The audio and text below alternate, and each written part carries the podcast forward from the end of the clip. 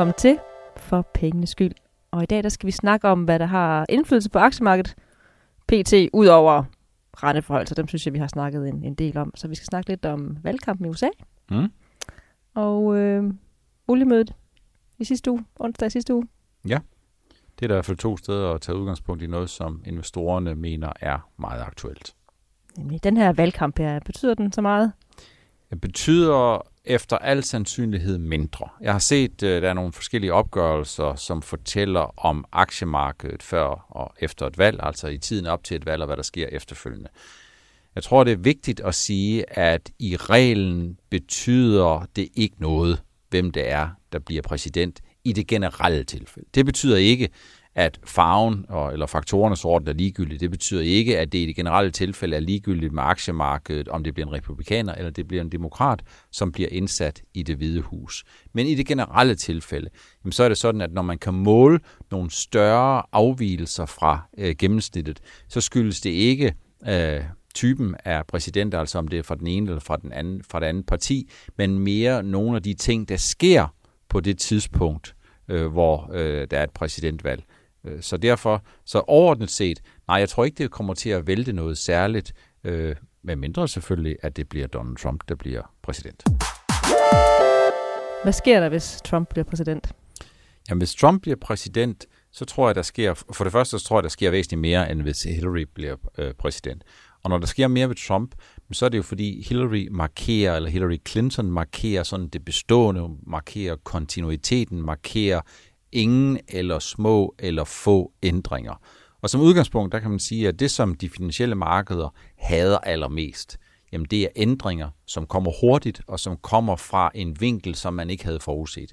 Så alt det, alle de finansielle størrelser, som kommer hurtigt uforudset og, og, og noget, man ikke havde regnet med øh, fra den kant, jamen der kan man sige, det er det, som gør øh, den største indflydelse på aktiemarkedet. Trump, han er jo i den henseende, han er øh, Øh, det ubeskrevne blad. Det er jo ikke, fordi man ikke har hørt noget til Trump, men, til Trump, men han er det ubeskrevne blad øh, på aktiemarkedet. Så hvis man sådan ligesom skal prøve at starte med de overordnede linjer, jamen, så tror jeg, at det, at man får Donald Trump øh, ombord, jamen det vil godt kunne skabe noget ravage. Og grunden til, at det skaber ravage, det er jo ikke, at der fra november til januar måned så den tid, der går fra valget er der til man bliver indsat som præsident, sker noget, noget særligt, for der kommer man til at ind i sådan noget limbo, sådan et, en, en periode, hvor det ikke rigtig sker noget, men investorerne vil alligevel, tror jeg, blive noget overrasket, hvis det ender med, at det bliver Trump. Jeg tror, at, øh, at den usikkerhed, koblet med, at aktierne jo er relativt højt prisfastsat, vil kunne give, øh, øh, hvad skal man sige, noget, noget bølgeskuld. Hvis vi kigger på Trump,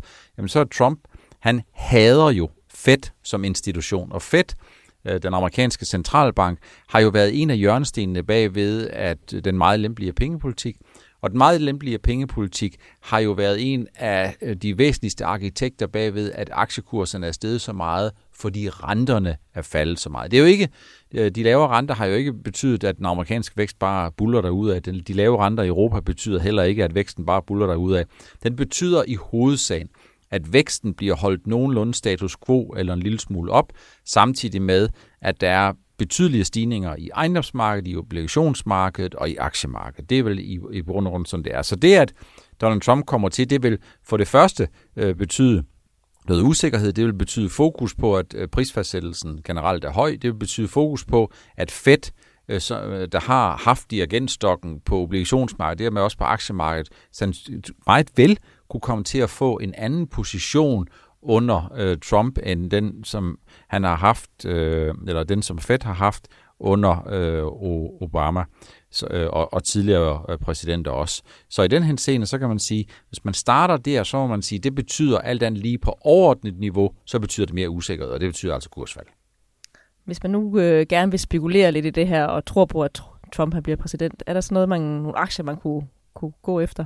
Hvis man skal prøve at se på, på dem, som er på positivlisten, hvis, øh, hvis Trump han bliver præsident, jamen, så tror jeg, øh, det første sted, jeg tænker, øh, det er jo inden for energi. Altså Trump er jo sådan lidt old school for så vidt han går energi. Altså det er jo olie, og det er gas, og Øh, Make America Great Again og alt det der. Alt det, som man kan lave inden for USA. Altså det, at USA skal i større omfang være selvforsynende, og man skal ikke kigge på at være verdens politimand og blive sendt ud til alle mulige steder geografisk i verden, som amerikanerne alligevel ikke har noget særligt forhold til. Så det første, jeg tænker på, det er øh, energi i USA vil være noget af det, som, som potentielt kan øh, få øh, i, i positiv fokus. Og så tror jeg, at skal man lige kigge på modstykket, jamen så tror jeg i hvert fald på dagen, hvis det er sådan, at Trump bliver valgt den 8. november, hvor det amerikanske valg er, jamen så tror jeg, at der er nogen, der ligesom vil komme til at, at i hvert fald stille spørgsmålstegn ved, om USA fortsat vil være vækstmarkedet for alternativ energi, fordi modsætningen til olie og gas, det er jo alternativ energi. Det er jo ikke sådan, at Trump han kan gøre alle de her ting alene,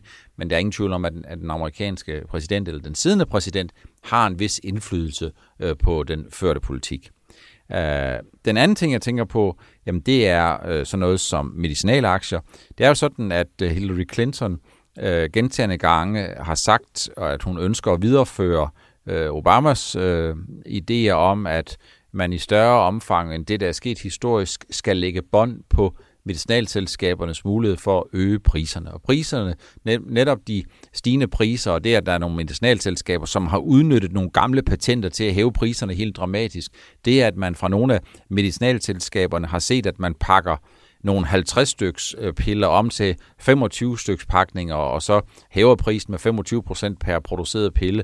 Det er sådan noget af det, som man skal prøve at øh, at undgå. I den her scene, så tror jeg, at Hillary Clinton har haft øh, en indflydelse på medicinalaktier i den forstand, at investorerne godt er klar over, eller burde være klar over, at der i stigende omfang vil komme et pres mod medicinalindustrien. Det betyder ikke, at medicinalindustrien fra den ene dag til den anden lige pludselig oplever, at de ikke kan få nogle penge for deres varer. Men det betyder, at der er sådan, de er lidt under skærpet tilsyn, og det vil Donald Trump ikke i samme omfang gøre. Så der kan godt komme sådan lidt relief rally og en i hvert fald sektor outperformance inden for medicinalselskaber. Den tredje ting, jeg tænker på, det er jo forsvarsindustrien. Forsvarsindustrien, øh, som jo givetvis vil være noget af det, som Donald Trump vil, vil kigge lidt på. På den ene side positivt, øh, mobilisere noget der. På den anden side set, jamen så siger Trump jo, vi skal ikke løse alle problemer rundt omkring i verden. Vi skal ikke have amerikanske soldater opmarcheret, op, opmarcheret øh, udstationeret i Japan og alle mulige andre steder det er noget, man selv skal løse. Men jeg tror, at Donald Trump, han måske i den her scene vil fokusere på forsvarsindustrien som en industri, som snarere skal være med til at sælge nogle øh, produkter uden for USA, øh, sådan så verden de kan klare sig selv, så vi ikke skal have amerikanske soldater udstationeret alle mulige steder øh, i, øh, i verden. Men der er også nogle steder, hvor jeg ligesom tænker, at øh, man ikke vil være øh, se helt så varmt på Trump, øh, som man vil i de her sektorer. Og hvad er det for nogle sektorer? Jamen det er jo for eksempel bankerne. Øh, Donald Trump mener jo, at og det er der jo også andre, der mener, men Donald Trump har i hvert fald øh, tilkendegivet, at han synes aldrig, der blev foretaget det opgør med Wall Street, som der var behov for efter 2008. Så jeg tror ikke nødvendigvis, at Donald Trump han er en reguleringsmand, men jeg tror, at han på andre måder vil prøve at se, om han kan stikke Wall Street, og det vil sige, at øh, bankerne øh, skal ikke nødvendigvis se frem til, at Trump han vil tale deres sag i Washington, medmindre han vil nedlægge Washington. Det ved jeg ikke, om han vil. Øh, andre selskaber, som jeg ligesom tænker, i hvert fald som udgangspunkt, øh, vil få det svært, det er sådan noget som transportselskaber. Altså Donald Trumps slogan om Made America Great Again, det rimer mere på Made in America, end det rimer på Shipped to America. Så han vil jo egentlig have stoltheden tilbage til USA. Han vil gerne have produktionen tilbage til USA i det omfang, det kan lade sig gøre. Han vil, han, han vil fokusere mere indenrigs, end han vil fokusere udenrigs. Han fokuserer meget på det nære, meget på, hvad skal man sige, på det, som optager amerikanernes øh, hverdag, øh, og ikke så meget på, at USA skal spille den her, øh, hvad skal man sige, globale øh, vagthundsrolle. Hvis vi nu bliver her i Danmark, øh, hvorfor nogle danske firmaer har så godt af, at, at det bliver Trump? Jamen skal vi prøve at sætte nogle navne på, uden at forsøge på at overdramatisere, fordi de danske firmaer, eller de danske virksomheder, eller en del af de danske virksomheder vil mærke de her vinde indirekte. Men hvis man skal prøve at fortælle nogle eksempler i nogle af de her ordnede ting, som jeg har forsøgt at skitsere, så er det klart, at hvis medicinalindustrien har det bedre under Trump, end har det under Hillary Clinton, alt andet lige, jamen, så er det Novo Nordisk, og det er Lundbæk, det kan være selskaber i mindre omfang som Genmap, Bavarian Nordic, Zealand Pharma, øh, nogle selskaber inden for den her industri, øh, som Trump øh, ikke i samme omfang som det, vi har hørt Hillary Clinton øh, sige, vil forsøge at begrænse og stikke deres øh, indflydelse.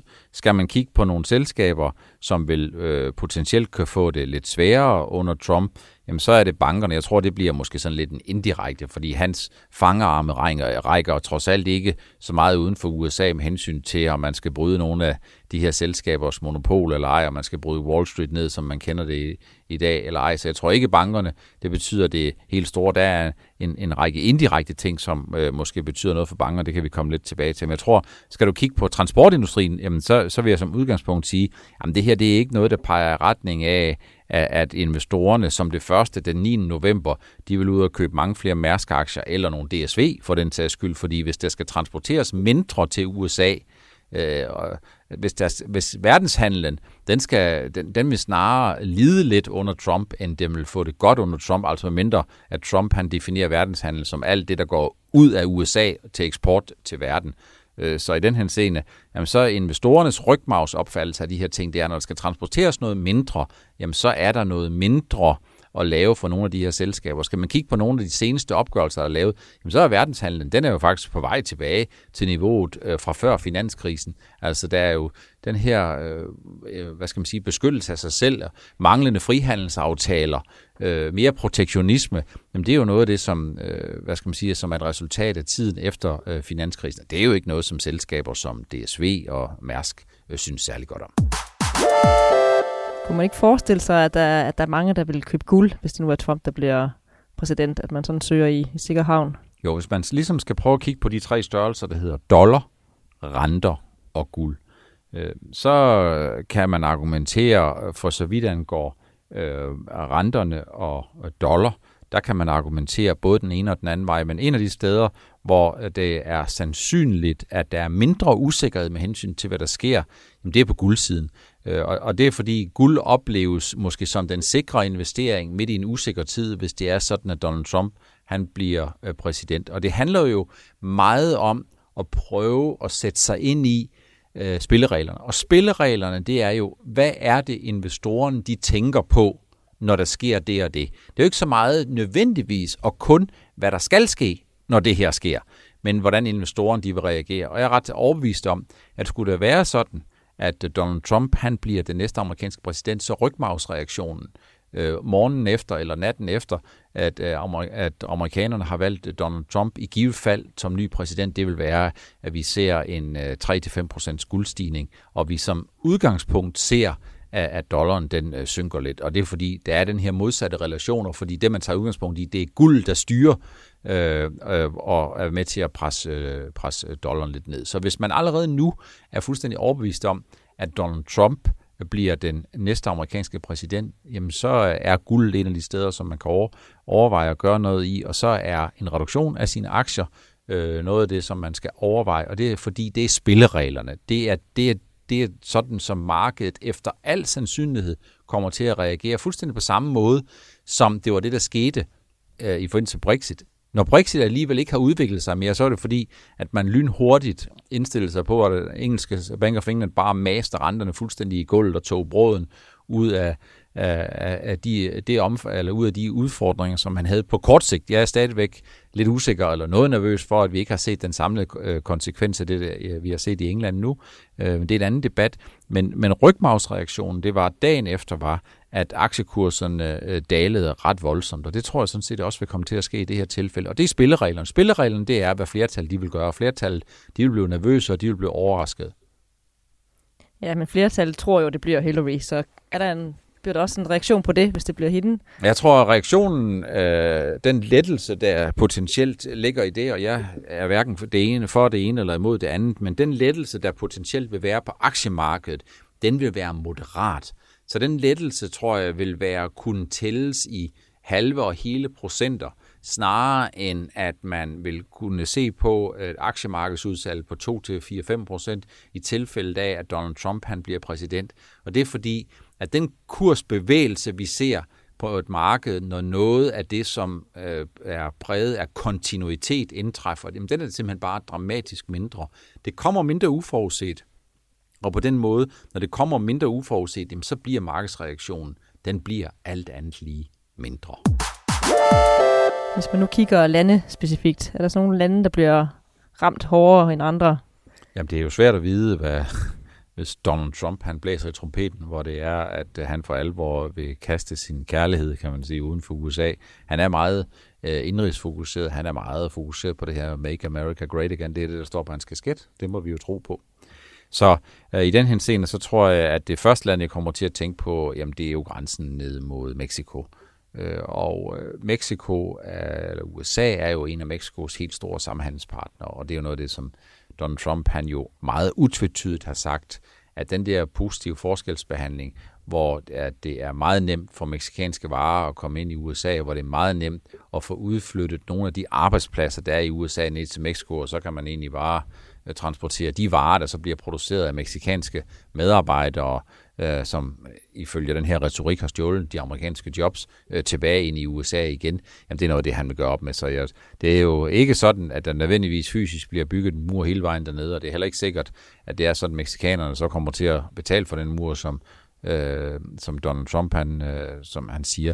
Men der kan godt være, at der bliver bygget sådan en form for en usynlig mur, og man vil gøre op med nogle af de her øh, handelsaftaler, som man har, øh, som ifølge republikanerne og Donald Trump hvor meksikanerne har alt for store fordele øh, ud af de der ting. Så rygmavsreaktionen igen, spillereglerne, den vil være, at investorerne vil tage nogle af de penge, som de har investeret i Mexico, nogle af de meksikanske pesos, som de har, og så vil de sælge lidt ud af dem. Så hvis det er sådan, at du som investor er fuldstændig overbevist om, at det bliver Donald Trump, der vinder, jamen så tror jeg allerede nu, man gør klogt i ikke at have for mange meksikanske ak- øh, aktiver. Hvis man så reaktionen efter øh, den første tv-transmitterede debat mellem Hillary og Donald Trump, jamen før at det var sådan, at man sådan for alvor fik indtrykket af, at Hillary Clinton måske havde klaret sig en lille smule bedre end Donald Trump, jamen så kunne man egentlig bare kigge på udviklingen i Mexikan, den meksikanske peso, for den meksikanske peso den stiger. Når den meksikanske peso stiger, så er det nok et udtryk for, at den generelle opfattelse, eller de finansielle markeders opfattelse, har været, at Hillary Clinton gjorde det bedre end Donald Trump. Så på den måde, der kan man sige, hold lidt øje med den meksikanske peso. Det er måske en af finansverdenens øh, muligheder, hvorpå man kan tage en temperaturmåler på, hvordan det politiske system øh, det har det.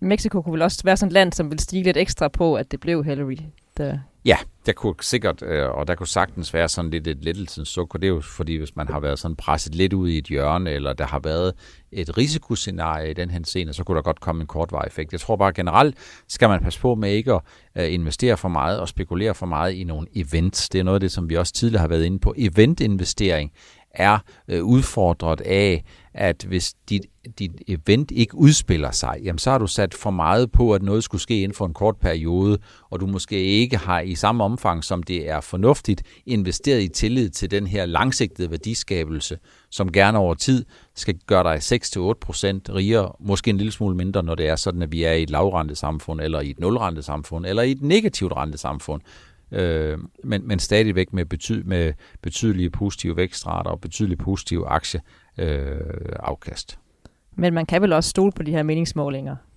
Eller hvad? Ja, jeg ved ikke om, puh, jeg ved ikke om, ja, det er jo ikke fordi, jeg, jeg mistænker, at dem, der laver meningsmålinger, de ikke gør deres arbejde godt nok. Jeg tror bare, de, de, jeg tror, de er svære at sådan for alvor afkode. Jeg tror, hvis man kigger øh, til de seneste meningsmål, der for eksempel har været i det danske folketing, hvis vi kigger på Brexit, og hvis vi kigger på andre ting, jamen, så har de her meningsmål, de har jo stridt i hver deres retning.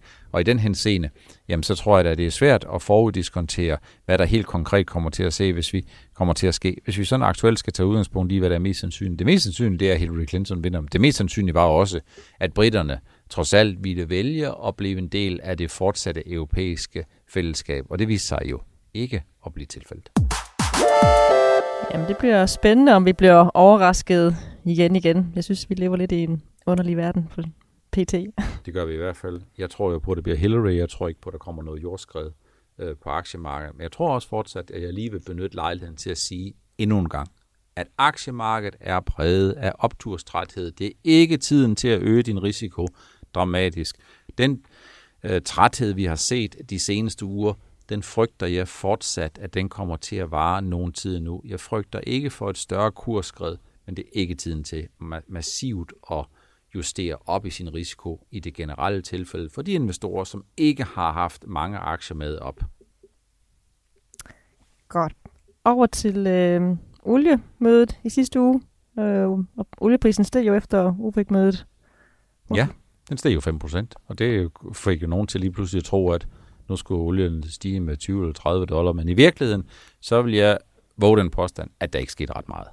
Og det betyder jo ikke, at der ikke skete noget. Det betyder jo ikke, at jeg ikke anerkender, at olieproduktionen blev nedsat med 700, eller vil blive nedsat, eller prognostiseres til at blive nedsat med 750.000 tønder i daglig produktion, sandsynligvis fra med 2017. Men det jeg siger, det er, at det man er blevet enige om på det her ikke-ordinære møde, det var jo et møde, som blev holdt helt uden for øh, det normale, de normale mødeterminer, som er, at OPEC-landene mødes, de 12 OPEC-lande, de mødes to gange øh, årligt i Wien, og næste gang de mødes, det er i november måned. Og november måned er det møde, hvorpå man skal sådan for alvor blive enige.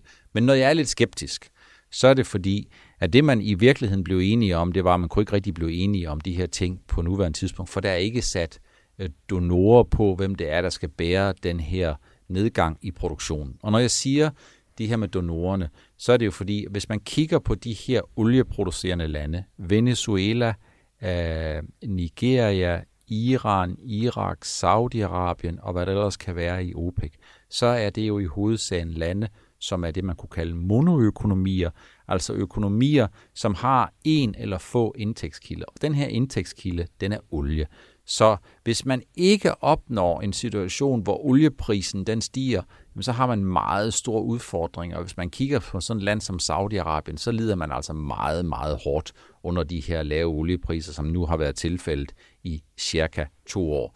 Så man har ikke sat øh, donormærkat på, hvem det er, der skal bære den her øh, neddrosling øh, i øh, olieproduktion. Og man håber selvfølgelig, med god rimelighed og ret, så håber man på, at den her lavere produktion så vil genskabe balancen mellem udbud og efterspørgsel, der gør, at olieprisen kommer til at ligge på et andet niveau. Men når jeg er skeptisk, så er det fordi OPEC-landene har en lang tradition for at snyde på vægtskålen. Det er altså sådan, hvis man tager alle OPEC-landene og siger, du har en kvote på en, og du har også en kvote på en, så lægger man alle de her kvoter sammen, sammen de her 12 lande, så skal man jo egentlig sige 1 plus 1 plus 1 plus 1 osv. osv. frem til 12, det skal give 12. Og når man så finder ud af, hvor meget man har produceret, så har man produceret 13,24. Så må man sige, jamen er det fordi, de ikke kan regne? Nej, men det er fordi, de regner med, at hvis de producerer en lille smule mere, så er der nok ikke nogen, der tænker, at det er særlig mærkeligt. Så man har altså bare en lang, lang tradition for at snyde lidt. Det at snyde lidt er ikke sådan rigtigt at snyde i OPEC-terminologi, øh, bare det ikke bliver opdaget.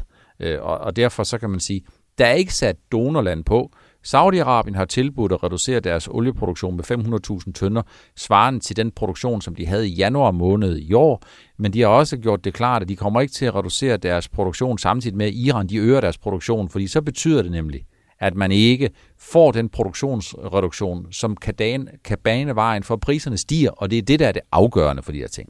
Vi ved heller ikke, om amerikanerne kommer ind øh, hvis olieprisen stiger 3, 5 eller 7 dollar, om amerikanerne så kommer ind og producerer noget mere olie. Og det var jo skifergas, de amerikanske skifergasproducenter, som i 2009, 10, 11, 12 og 13 forrykkede balancen mellem den totale olieproduktion og det totale olieudbud.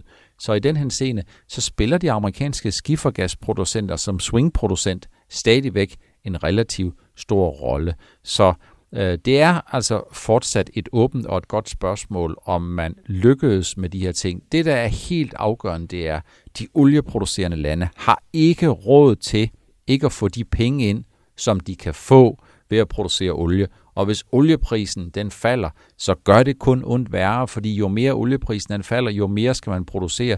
Det er derfor, det med djævelens vold og magt er så vanvittigt vigtigt og påkrævet, at olieprisen kommer op. For hvis olieprisen øh, daler igen, jamen, så er vi i en situation, at jeg er meget overbevist om, at så vil OPEC-landene, de vil i større omfang, og det vi har set historisk, snyde på vægtskålen, fordi deres behov for at producere noget, noget mere, den stiger. Og så tror jeg, at der under overfladen også er en virkelighed, som der ikke snakkes særlig meget om, men som ikke skal ignorere. Der er nogle af de olieproducerende lande, som er bange for, at om ikke særlig mange år, så kommer vi ind i en situation, hvor nok er kul øh, skal udfases, men hvor vi kommer til at se nogle alternative energikilder, som måske kommer til at lave nogle kvantespring, som vi ikke har set i dag. Øh, sol og vind er super fine, men de er slet ikke der, hvor de er mainstream. Men sol, øh, tror jeg, inden for 10 år har et gigantisk potentiale. Et potentiale, som er væsentligt større end vind. Og sol har det der potentiale, at øh, ø- økonomien i sol, den bliver jo simpelthen bare forbedret hele tiden, fordi produktionsomkostningerne, jamen de falder, øh, ydeevnen stiger markant, øh, og den slitage, der er på den, sol, den installerede solenergi, jamen den er mindre, end den er på vind, og, øh, og solen er altså en mere konstant øh, type, end, end vind er.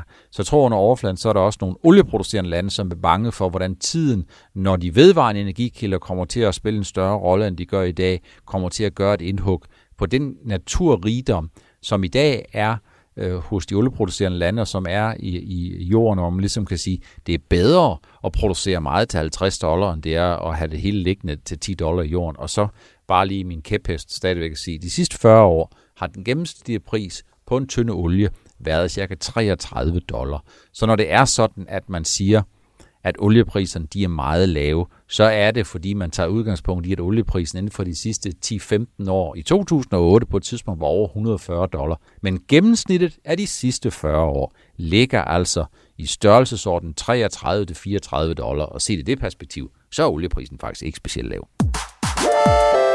Så når vi ikke mere i dag? Det gør vi ikke, nej. Men øh, hvis jeg må få lov til lige at summere lidt op det, jeg kan huske, jamen, så har vi snakket lidt om valgkampen i USA. Jeg tror ikke i det generelle tilfælde, at effekten af det, der skal være valg, øh, vil være meget stor for aktiemarkedet, med mindre Donald Trump han vinder. Hvis Trump han vinder, så er det jo det modsatte af kontinuitet og mere af det, som vi allerede har i dag. Han vil stille spørgsmålstegn ved Fed som institution. Han vil ikke være imponeret over, at bankerne ikke har fået brudt, øh, hvad skal man sige, øh, ikke har været mere ydmyge efter finanskrisen. Han vil ikke se særlig positivt på øh, transportselskaber, tror jeg. Vi var lidt inde på, at DSV og Mærsk er ikke nogen af dem, som ønsker, at Donald Trump han kommer til magten. Og er det sådan, at man allerede nu er sikker på, at, at det bliver Trump, som vinder, jamen så er nogle af de muligheder for at positionere sig allerede nu, det er sådan noget som at købe noget guld. I hvert fald at sørge for at undgå at have alt for mange aktiver i Mexico. Jeg tror ikke, han kommer til at bygge en mur ned mod Mexico, men i overført betydning, så tror jeg, at investorerne rygmavsmæssigt og spilleregelsmæssigt vil få lidt ondt i maven, hvis det er sådan, at Donald Trump han bliver øh, den næste amerikanske præsident. Så er vi lidt inde på OPEC-mødet i sidste uge. Øh, OPEC besluttede lidt overraskende, eller noget overraskende, at reducere i deres produktion. Sandsynligvis en beslutning, der skal ratificeres på det kommende møde om to måneder i Wien. Øh, jeg, jeg, jeg anerkender, at øh, olieprisen skal stige lidt øh, på de her ting. Jeg synes, det var lidt overraskende. Jeg kan godt forestille mig, at de på kort sigt kan stige lidt yderligere, men jeg tror ikke, det er sådan for alvor en game changer.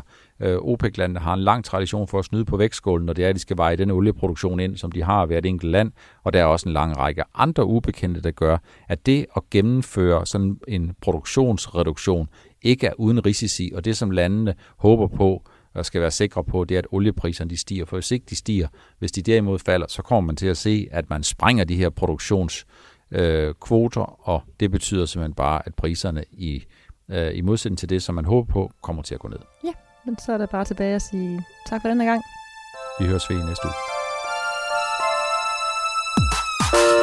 Penge, penge, penge.